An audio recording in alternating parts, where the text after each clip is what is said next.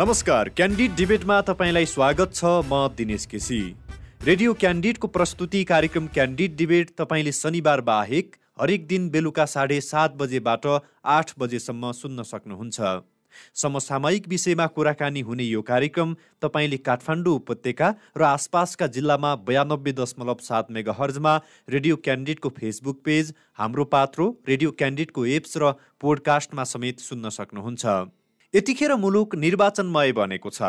धेरै नेता तथा कार्यकर्तालाई चुनावी सरगर्मी बढेको छ। कतिपय स्वतन्त्र युवाहरू अहिले धमाधम आगामी निर्वाचनका लागि उम्मेदवारी घोषणा गरिरहेका छन् भने कतिपय पार्टीगत नेताहरू नै पार्टी त्यागेर स्वतन्त्र बन्दैछन्। दलहरू नसुध्रिएकाले दलहरूबाट योग्य मान्छे आउन सक्दैनन् भन्ने भएकाले पनि स्वतन्त्र उम्मेद्वारहरूप्रति नागरिकले बढी नै भरोसा गरेको देखिन्छ। खास गरी भर्खरै सकिएको स्थानीय तहको निर्वाचनमा यो पुष्टि नै भइसकेको छ। तर स्थानीय तहको जस्तो संसदीय चुनावमा स्वतन्त्र उम्मेद्वारप्रति नागरिकको भरोसा कस्तो रहला भन्ने चाहिँ विश्लेषण अहिले सहजै गर्न सकिँदैन। दल र नेताहरू अब पनि नसचिए नागरिकप्रति उत्तरदायी नभए हामी विकल्प खोज्न बाध्य हुन्छौँ भनेर यतिखेर धेरै युवाहरू धमाधम उम्मेदवारी घोषणा गर्दैछन्। यसैबीच काठमाडौँ क्षेत्र नम्बर पाँचबाट लौरो अभियान अन्तर्गत प्रतिनिधि सभा सदस्यका लागि स्वतन्त्र उम्मेद्वार घोषणा गरेका मधुसूदन पाठक सितेबासँग उहाँका चुनावी एजेन्डाका विषयमा आज कुराकानी गर्दैछौँ। कार्यक्रममा स्वागत छ यहाँलाई। हजुर धेरै धेरै धन्यवाद। यतिखेर देशमा निर्वाचन नजिकिँदैछ आसन्न प्रतिनिधि तथा प्रदेशसभाको निर्वाचनका लागि देशव्यापी रूपमा धेरै स्वतन्त्र उम्मेदवारीहरू उठ्ने तयारीमा छन् र धेरैले स्वतन्त्र उम्मेद्वारको घोषणा पनि गरिसकेका छन्। सितेबा काठमाडौँ क्षेत्र नम्बर पाँचबाट चुनाव लड्दै हुनुहुन्छ र घोषणा पनि गरिसक्नुभयो। एउटा टेलिश्रृङ्खलाको पर्दामा देखिने सितेबा मधुसूदन पाठक बनेर जनताको माझमा जानुपर्छ भन्ने रहर चाहिँ कहाँबाट पलायो? यो चाहिँ अहिले आवश्यकता हो। युवाहरूको चाहिँ लहरै चलिरहेकै अवस्था पनि छ होइन? अहिले अब स्वतन्त्र युवाहरू चाहिँ राजनीतिमा प्रवेश गर्दै घोषणा गर्दै होइन? उम्मेदवारी घोषणा गर्दै अगाडि बढिराख्नु भएको छ। यसलाई यो आवश्यकताका रूपमा लिन सकियो। आवश्यक खास किन? भनेको तपाईँले त एउटा लौरो अभियान नै चलाउनु भएको छ सुमन स्यामीको नेतृत्वमा। यो लौरो अभियान चलाइरहँदाखेरि राष्ट्रिय झन्डा बोक्दैमा लौरो राष्ट्रिय झन्डा ओढ्दैमा लौरो बोक्दैमा चुनाव जितिएला जस्तो लाग्छ? होइन लौरो भनेको एउटा सङ्केत मात्रै हो त्यो चिन्ह हो। तर हाम्रो उद्देश्य के हो भने युवाहरू र स्वतन्त्र युवाहरू सक्षम युवाहरू नेतृत्व गर्नका लागि चाहिँ क्षमतावान युवाहरूलाई चाहिँ चाहे क्षेत्रगत नेतृत्व गर्न होस् चाहे केन्द्रीय नेतृत्व प्रतिनिधि सभामै आएर चाहिँ केन्द्रीय नेतृत्व गर्न होस् चाहे प्रादेशिक रूपमा चाहिँ नेतृत्व गर्नका लागि होस् उहाँहरूलाई चाहिँ एउटा बाटो बनाउनुपर्छ र त्यसको एकताको केन्द्रबिन्दु भनेको चाहिँ जस्तो लौरो हुन सक्यो घन्टी हुन सक्यो होइन? अब अन्य अन्य चिन्हहरू पनि छ नि। त्यस कारणले अब यही एउटा चाहिँ एकता सबै सक्षम युवाहरूलाई चाहिँ एकतामा एकताको सूत्रमा राखौँ भन्ने हिसाबमा चाहिँ हामीले त्यो अभियानको रूपमा अगाडि बढाएको छौँ। दलीय व्यवस्थामा यो राजनीतिक दलका नेता तथा कार्यकर्ताहरूले केही पनि गर्न सकेनन् भन्ने हो त्यसो भए तपाईँको आशय। त्यसपछि होइन त्यस्तो पनि भन्न मिल्दैन। उहाँहरूले गरेको काम कर्तव्यहरू पनि केही राम्रा पनि छन्। केही उहाँहरूले अलिकति शीर्ष नेतृत्वहरू को प्रभावमा अथवा उहाँहरूले निर्देशित गरिराख्दाखेरि कतिपय कुराहरूमा ध्यान नजाँदाखेरि जति हुनुपर्ने त्यति नभएको हो भन्ने लाग्छ होइन? अनि त्यसमा चाहिँ अलिकति अग्रगामी हिसाबले छिटो परिवर्तन खोज्ने हामी युवा पुस्ता र अलि सुस्त हिसाबले चाहिँ जाओस् न भन्ने खालको बुवा पुस्ताहरूको अलिकति दिमेल पनि छ। त्यस हिसाबले गर्दा चाहिँ युवा पुस्ताहरू राजनीतिमा आउनुपर्छ भन्ने लहर अहिले पार्टीमा पनि चलिसकेका छ। दलीय चाहिँ बहुदलीय व्यवस्था छ दलभित्र पनि यो बहसको विषय बनिसकेका छ।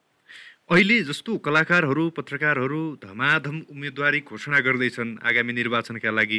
सस्तो लोकप्रियता कमाएकै छ? जनताहरू भोट हालिहाल्छन् कि भन्ने होला? अब साँच्चीकै भिजन मिसन बोकेर जनता जनताको माझमा जाने सोच त बनाउनु भएको छ होला नि। यहाँका चुनावी अब त्यो यस्तो हुन्छ लोकप्रियताको विषय भनेको आफूमा क्षमता नभइकन कोही पनि उम्मेदवारी घोषणा गरिराख्नु भएको छैन। त्यसो भनेर सबै अहिले भएको सयजना कलाकार सयजना पत्रकार सयजना बौद्धिक वर्ग सयवटा युवामा हेरेर सर्वेक्षण गरौँ। सबैले गरेका छन् त छैनन्। तर हामीलाई के लागिरहेछ भने केही युवा साथीहरू जो साँच्चै चाहिँ देशको लागि एउटा देश प्रेमसँग देशको परिवर्तन खोज्दै अगाडि बढिराख्ने युवा साथीहरू चाहिँ अहिले आउनु भएको हो। अब तपाईँ स्वतन्त्र उम्मेदवारी दर घोषणा गरिरहँदाखेरि तपाईँलाई किन भोट दिने त्यहाँ काठमाडौँ क्षेत्र नम्बर पाँचका नागरिकले आम जनताका जनताले किन भोट दिने? के छन् चुनावी एजेन्डा? अब यस्तो छ मैले भनिहालेँ अब हाम्रो उम्मेदवारी निर्वाचन आयोगको पद्धति अनुसार उम्मेदवारी दर्ता हुँदैछ होइन? एजेन्डाहरूको विषय र त्यसलाई घोषणा पत्र अथवा हाम्रो दस्तावेजहरू क्रिएट गर्ने काममा हामी अग्रसर छौँ। हामी कार्तिकमा त्यसलाई एउटा चाहिँ पत्रकार सम्मेलन गरेर र उम्मेदवारी जुन भइसकेपछिको एउटा चाहिँ साक्षात्कार कार्यक्रम जस्तो गर्ने नैवाला छौँ। त्यो हरेक हाम्रो निर्वाचन क्षेत्रभित्र हुनेछ होइन? अनि त्यतिखेर चाहिँ हामी सबै कुराहरू एजेन्डा हाम्रो दस्तावेज हामीले गर्नुपर्ने गर्नु नपर्ने अहिले भइरहेको भोलि हुने भोलि दस वर्षमा हामीले गर्नुपर्ने एक वर्षमा तिन वर्षमा पाँच वर्षमा गर्नुपर्ने क्रियाकलापहरूको चाहिँ हामीले middle terms long term short term गोल्सहरू चाहिँ हाम्रो क्रिएट भए अनुसारको त्यो गोल्सहरू हामीले राख्नेछौँ होइन?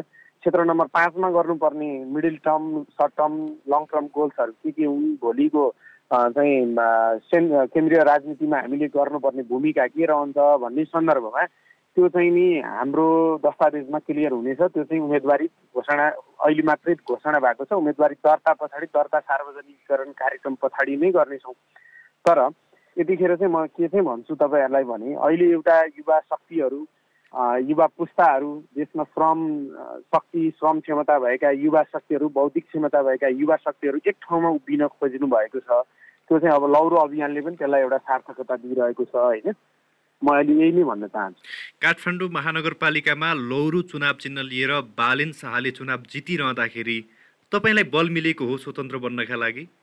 होइन उहाँ भनेको एउटा यस्तो साङ्केतिक परिवर्तनको एउटा यस्तो सङ्केत हुनुभयो ताकि अहिले युवा पुस्ता भएर पनि उहाँले गर्न चाहेर पनि नसकेको अथवा गर्न नखोज्नु भएको थियो र हिजोकै पुरा पुरानै शैलीमा उहाँले कामलाई व्यवस्थापन गर्न नसकेको अलमल भएको कतिपय नीति नियमहरूमा रहेकै कुराहरू हिजोदेखि कार्यान्वयन नभएको कुराहरूलाई कार्यान्वयन गर्न नसक्नु भएको थियो भने उहाँलाई आज आजको दिनमा हामीले सङ्केतको रूपमा लिन सक्दैनथ्यौँ होला। तर आज उहाँले प्रमाणीकरण गरिसक्नु भएको छ। उहाँ चाहिँ अहिले गरिरहेको निर्णयहरू उहाँले गरिरहेको क्रियाकलापहरू महानगरभित्र त्यत्रो धेरै क्षेत्रहरू छन्। त्यति धेरै मानिसहरू बसोबास गर्ने ठाउँमा उहाँले खेल्ने भूमिकाको कारणले गर्दा उहाँ चाहिँ एउटा यस्तो परिवर्तनको के भन्छ त्यसलाई? त्यो परिवर्तनको केन्द्रबिन्दु भनौँ न। होइन? बालेन शाह भनेको चाहिँ एउटा परिवर्तन युवाहरूको चाहिँ एउटा ढुकढुकी होइन? उहाँहरूको चाहिँ आशाको केन्द्र बन्नुभयो र धेरै युवाहरूलाई चाहिँ उहाँले एउटा इन्सपिरेसन दिनुभएको छ। गर्दा त हुँदो रहेछ। आखिर राष्ट्रिय राजनीतिमा होइन? यस्तो यसरी पनि आउन मिल्ने रहेछ सकिने रहेछ गर्न सकिँदो रहेछ भन्ने कुरा चाहिँ उहाँकोबाट एउटा उदाहरण बन्नुभएको छ। त्यस कारणले पनि धेरै युवाहरू आउनु चाहिँ भएको छ। अब जस्तो अबको चुनौती चुनावी चुनौती पनि छ। दलहरूबाट गठबन्धन छ तिनीहरूलाई पनि जित्नुपर्ने होला। यो अबको चुनावी चुनौती र मुख्य पार्टीका नेताहरूलाई कसरी टक्कर दिने भन्ने खालको सोच बनाउनु भएको छ यहाँले प्लान केही छ? होइन हाम्रो हाम्रो मिसन भनेको चाहिँ भिजन त हाम्रो देश बनाउने हो। मिसन भनेको चाहिँ हामीले युवा शक्तिहरू चाहिँ उदयमान युवा शक्तिहरू पछिल्लो समयमा राजनीतिमा मात्रै आउने होइन कि? देशको हरेक विधामा हरेक ठाउँमा चाहिँ युवा शक्तिलाई चाहिँ त्यहाँ हामीले स्थापित गर्नु छ। हाम्रो मिसन चाहिँ त्यहाँ हो। त्यस कारणले गर्दाखेरि यो भनेको यो पार्टीमा ऊ पार्टीमा यो दल ऊ दल भन्ने होइन। जहाँ युवाहरू आउनुहुन्छ त्यो दल भोलि चाहिँ नि त्यो दल नै एउटा लोकप्रिय दल बन्न सक्छ। त्यस कारणले युवाहरूलाई चाहिँ जसले जुन दलले अलिकति ग्राह्यता दिनुहुन्छ त्यो दललाई ग्राह्यता नदिइरहेको अवस्था चाहिँ आज थियो भने अब चाहिँ युवा शक्तिहरू अगाडि बढिराख्दाखेरि त्यहाँ दबावपूर्ण हिसाबमा अथवा एकदमै विरोधपूर्ण हिसाबमा पनि कतिपय युवाहरू चाहिँ नि आफ्नै दलभित्र पनि विद्रोह गरिराख्नु भएको छ। त्यस कारणले यो चाहिँ सराहनी कुरा हो। हामी कसै दलले यो गरेन त्यो गरेन भन्नेवाला छैनौँ। उहाँहरूको जति सोच थियो जति थियो उहाँहरूमा जति गर्न सक्ने क्षमता दक्षता थियो त्यो अनुसारले गरिदिनु भयो तर एउटा बुवा पङ्क्तिबाट चाहिँ हामीले पुस्तान्तरण नभएको राजनीतिमा धेरै खोज्नु पनि त्यो चाहिँ त्यति सान्दर्भिक मलाई लाग्दैन होइन? किनभने गर्ने भनेको त युवा शक्तिले हो। त्यसमा नवीनसम सोच हुन्छ नयाँ प्रविधि नीति विधि सबै कुराहरूलाई चाहिँ एउटा काम गर्ने होइन? नीति विधि र प्रविधिमा अडिएर चाहिँ काम गर्ने खालको एउटा सोच बनाउन सक्ने युवा शक्तिहरूलाई काम गर्न दिइएन योभन्दा आज बिसौँ वर्ष तिसौँ वर्षदेखि हाम्रो देशलाई अड्काइराखियो। होइन? त्यस कारणले अहिलेको नयाँ यु युवा शक्तिहरू उदयमान भइराख्दा चाहिँ जुन दलबाट आउनुहोस् उहाँलाई हामीले स्वागत गर्नुपर्छ। एउटा टेलि टेलिश्रृङ्खलामा एउटा पर्दामा सितेबा भनेर चिनिने तपाईँ आम जनताको माझमा गइरहँदाखेरि आफ्नो परिचय चाहिँ कसरी दिलाउनुहुन्छ त्यो ठाउँमा? मैले त परिचय दिनै पर्दैन। मैले भने नि मेरो सोचै नराम्रो भयो भने मैले मेरो सोचको कारणले गर्दाखेरि मैले हार भोग्नुपर्छ जनताको माया पाउँदिनँ होइन? त्यस कारणले मेरो सोचै राम्रो छ जनप्रिय छ सबैलाई मनपर्ने खालको छ सबैलाई चाहिँ समानुपातिक हिसाबले विकास गर्ने खालको एउटा अवधारणा छ। राष्ट्रिय राजनीति अर्थ राजनीति अन्तर्राष्ट्रिय राजनीतिलाई मैले चाहिँ अङ्कीकृत गर्न सक्छु त्यसलाई बुझेर निर्णय गर्न सक्ने निर्णय क्षमता छ भने डेफिनेटली म म जतिको युवालाई जनताले माया गर्नुहुन्छ क्षेत्र नम्बर पाँचको जनताले त बुझि पनि सक्नु भएको छ होइन? त्यस हिसाबले चाहिँ हाम्रा पचहत्तर हजारभन्दा बढी चाहिँ अहिले मतदान गर्नुहुने पाँच क्षेत्र नम्बर पाँचका जनताहरूलाई चाहिँ मैले बुझाउने मेरो पहिलो प्राथमिकता छ भने तिन करोड नेपालीलाई नै बुझाउन सक्ने एउटा हिम्मतका साथ चाहिँ साहसका साथ चाहिँ म राजनीतिमा आएको छु। त्यस कारणले कुनै दुविधा छैन त्यसमा। अब तपाईँ एउटा युवा युवा मान्छे भइसकेपछि त युवाकै समस्या बुझ्ने होला। युवाका थुप्रै समस्या छन्। अहिले जस्तो दैनिक रूपमा त्रिभुवन अन्तर्राष्ट्रिय विमानस्थलबाट हजारौँ युवाहरू विदेश पलायन भइराख्नु परेको छ। ती समस्या समाधानका लागि नेपालमै केही रोजगारी व्यवस्थापन गर्ने भन्ने खालको त्यस्तो केही प्लान योजना बनाउनु भएको छ अहिले? होइन हामीसँग त्यसका धेरै एकीकृत योजनाहरू छन्। त्यो सबै कुरालाई हामीले दस्तावेजमा उल्लेखित गर्नेछौँ हामीसँग अहिले छोटकरीमा भनिहालौँ हामीसँग एकीकरण गर्ने हामी त जनतालाई जन जनलाई मन मनलाई एकीकरण गर्ने योजनामा छौँ। यसका लागि विभिन्न किसिमका रोजगारीका सिर्जना हुने खालका एकीकृत योजनाहरू छन्। जमिन एकीकरण श्रम एकीकरण पुँजी एकीकरण त्यसै गरी तपाईँको चाहिँ योजनाहरू एकीकरण त्यसै गरी हामीसँग वस्तुभावहरू जुन हामीसँग उत्पादित वस्तुभाव प्रोडक्ट एकीकरण भनौँ यी धेरै कुराहरू यावत कुराहरू हामी एकीकृत गर्नेछौँ र त्यो एकीकरणको माध्यमबाट हजारौँ मानिसलाई उत्पादन गर्न सक्ने हजारौँ मान्छेले उपभोग गर्न सक्ने लाखौँ मान्छेले अर्बौँ मान्छेले उत्पादन गर्न सक्ने बन्न सक्छौँ। तर सुरुवात त फेरि हजारबाटै हुन्छ नि त। होइन तर हामी नेपालमा चाहिँ नि त्यसलाई एकीकरण गर्न सक्छौँ। जमिनहरू टुक्रा भएका छन् त्यसमा श्रमहरू टुक्रिएका छन्। त्यो श्रमहरू विश्व बजारमा फालेका छौँ। होइन जमिनहरू हाम्रा एकीकृत गर्नुपर्ने जमिनहरूलाई हामीले किताकाट गरेर चाहिँ त्यसलाई चाहिँ एकदमै त्यो अव्यवस्थित बनाइरहेका छौँ भने त्यसलाई हामीले उपभोग्य वस्तुभावहरू हामी अन्यत्र मुलुकबाट किनेर खाइरहेछौँ। हाम्रा प्रोडक्ट एकीकरण छैनन्। हाम्रा देशका जनताले बनाएको सरसामग्रीहरू त्यहाँ दही मोही घिउ दुधहरू चाहिँ नबिक्ने स्थिति बनाएका छौँ। अन्य मुलुकबाट आएका सरसामाको चाहिँ महँगो मूल्य तिरेर खानुपर्ने बाध्यता बनाएको छौँ। वितरण पद्धतिहरूमा एकीकरण गर्नुपर्ने छ। त्यसलाई हामीले व्यवस्थितीकरण गर्नुपर्ने छ। धेरै एकीकृत प्लानहरू हामीसँग छन् जसका कारणले हजारौँ युवाले हामीले चाहिँ रोजगारी दिएर हजारौँ युवा माध्यमबाट चाहिँ यो किसिमको योजनाबाट चाहिँ राज्यलाई नै पनि एकदमै ठुलो किसिमको योगदान पुग्न सक्ने हामीले सोचेका छौँ। यसलाई दस्तावेजमा हामीले उल्लेखित गर्छौँ। अब तपाईँ अहिले स्वतन्त्र भनिरहँदाखेरि भोला भोलि चुनाव जित्नु होला भलै।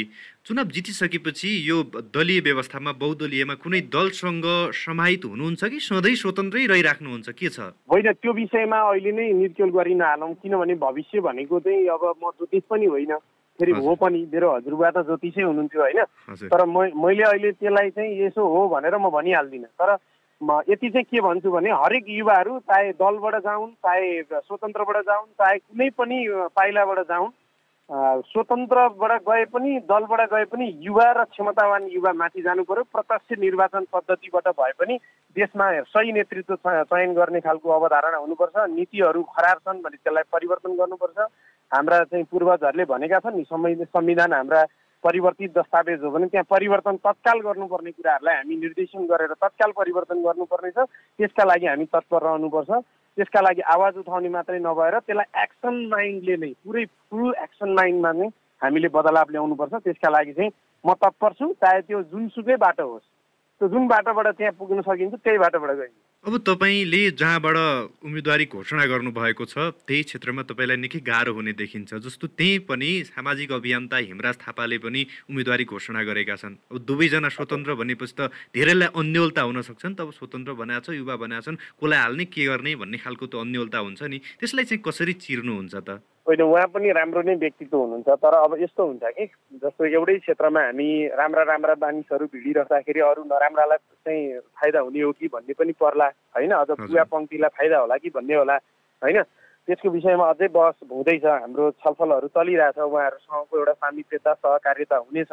कसको क्षमतालाई चाहिँ बढी ग्राह्यता दिने त त्यो क्षेत्रभित्र अन्य क्षेत्रमा जहाँ जुदिएको छ। दुईवटा क्षमता चाहिँ किन जुदाउने त भन्ने कुरा आउँदाखेरि हो। तर अब आफ्नो क्षमता प्रस्तुतिकरण गर्न म कति पनि पछि हट्ने छैन। किनभने मैले त यो आजभन्दा सत्र वर्ष अगाडिदेखि प्लानिङ गरेर क्षेत्र नम्बर पाँचभित्रको राजनीति त्यहाँको भूपरिवेष्टित अवस्था हरेक चिजलाई त्यहाँको विकास निर्माणको अवस्थालाई मध्यनजर गर्दै अगाडि बढेको छु भने मैले त त्यसलाई आज भर्खरै निर्णय गरेको त होइन नि त। त्यस कारणले यो चिजमा चाहिँ हाम्रो एउटा सहकार्यता हुनेछ होइन। अनि उहाँ उहाँहरू पनि मलाई लाग्छ हरेक मतदाताले चाहिँ आफ्नो नैसर्गिक अधिकार प्रयोग गरेर उम्मेदवार हुन पाउने अधिकार प्रयोग गरिराख्नु भएको छ। कसको क्षमता कति कति कसको योगदान कति भन्ने कुरा त भोलि आउने कुरा हो। त्यसका त्यसका लागि चाहिँ हामी अब अहिले बहस नगरौँ। उहाँहरूसँगको पनि छलफलपछि केही टुङ्गिएला। त्यसरी जाउँ। अब तपाईँ सकिएको नै सकिएको नि ट्रेली श्रृङ्खलामै देखिरहने मान्छे आम जनताका बिचमा गइराख्नु भएको छ। अब तपाईँले त्यहाँ देख्न सकिँदैन। तपाईँले कलाकारिता छोड्नुभयो। त्यसको मतलब अब त्यो राजनीतिमा आइसकेपछि? म अब घोषणा गरिसकेपछि नि सकिगनीको टेली श्रृङ्खलामा स्वतन्त्र उम्मेदवारहरूकै विषयमा हामीले चाहिँ बनाएको एपिसोडमै म गइसकेको छु भने यो क्वेसन त आइन्छ त्यसैले प्रश्न गर्छ होला। ए भनेपछि अब यसपछि पनि फर्किनुहुन्छ तपाईँ?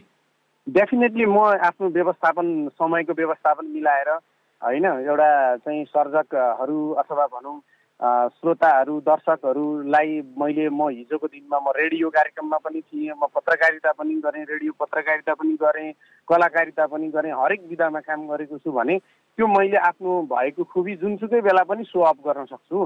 त्यो त मेरो इन्टरनल क्वालिटी हो नि त। त्यस कारणले जस्तो त्यो खुबीलाई म भोलि सकिगनीको माध्यमबाट अन्य चाहिँ विभिन्न विधाहरू माध्यमबाट चाहिँ आफ्नो क्षमतालाई अझै खारेर प्रस्तुति गर्ने हुन्छ। त्यसमा यसले केही असर गर्छ जस्तो मलाई लाग्दै लाग्दैन।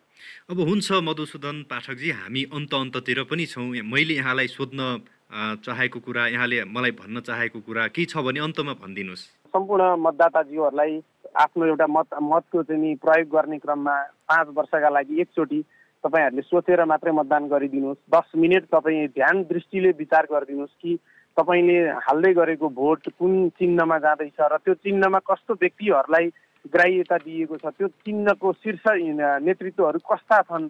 त्यो कुराहरू बुझेर मात्रै मतदान गरिदिनु हुन म अनुरोध गर्न चाहन्छु। अहिलेको लहर भनेको चुनावी लहर हो अनि स्वतन्त्र उम्मेदवारहरूको पनि लहर छ भनिन्छ। भइ पनि रहेछ। तर त्योभन्दा पनि म महत्त्वपूर्ण लहर भनेको युवाहरूको लहर हो। युवाहरूलाई तपाईँहरूले ग्राह्यता दिनुभयो भने साँच्चीकै गरेर देखाउने छन् त्यो भनेको उदाहरण पनि हाम्रो हर्क साङपाङ बालेन शाह जस्ता उम्मेदवारहरूले गरिसक्नु भएको छ। त्यस कारणले सम्पूर्ण मतदाताज्यूहरूलाई धेरै धेरै सोचेर मतदान गरिदिनु हुन अनुरोध पनि गर्दै सबैलाई यो चुनावी माहौलमा एकदम सकारात्मक हिसाबले सबैले चाहिँ मतदान गर्ने अवसर प्राप्त गर्नका लागि र मतदान गर्नु हुन पनि म अनुरोध गर्न चाहन्छु। हस् हुन्छ। हाम हामीलाई महत्त्वपूर्ण समय उपलब्ध गराइदिनु भयो यहाँले। धेरै धेरै धन्यवाद। हस् धेरै धेरै धन्यवाद। उहाँ हुनुहुन्थ्यो काठमाडौँ क्षेत्र नम्बर पाँचबाट लौरो अभियान अन्तर्गत प्रतिनिधि सभा सदस्यका लागि स्वतन्त्र उम्मेद्वार घोषणा गरेका मधुसूदन पाठक सितेबा। आगामी निर्वाचनमा उहाँका एजेन्डाका विषयमा कुराकानी गर्दै। हवस् त आजलाई क्यान्डिड डिबेट यति नै। अर्को दिन फेरि नयाँ र फरक विषयमा कुराकानी गर्नेछौँ। प्रविधि संयोजनका लागि गणेश श्रेष्ठलाई धन्यवाद दिँदै म दिनेश केसी बिदा हुन्छु। नमस्कार।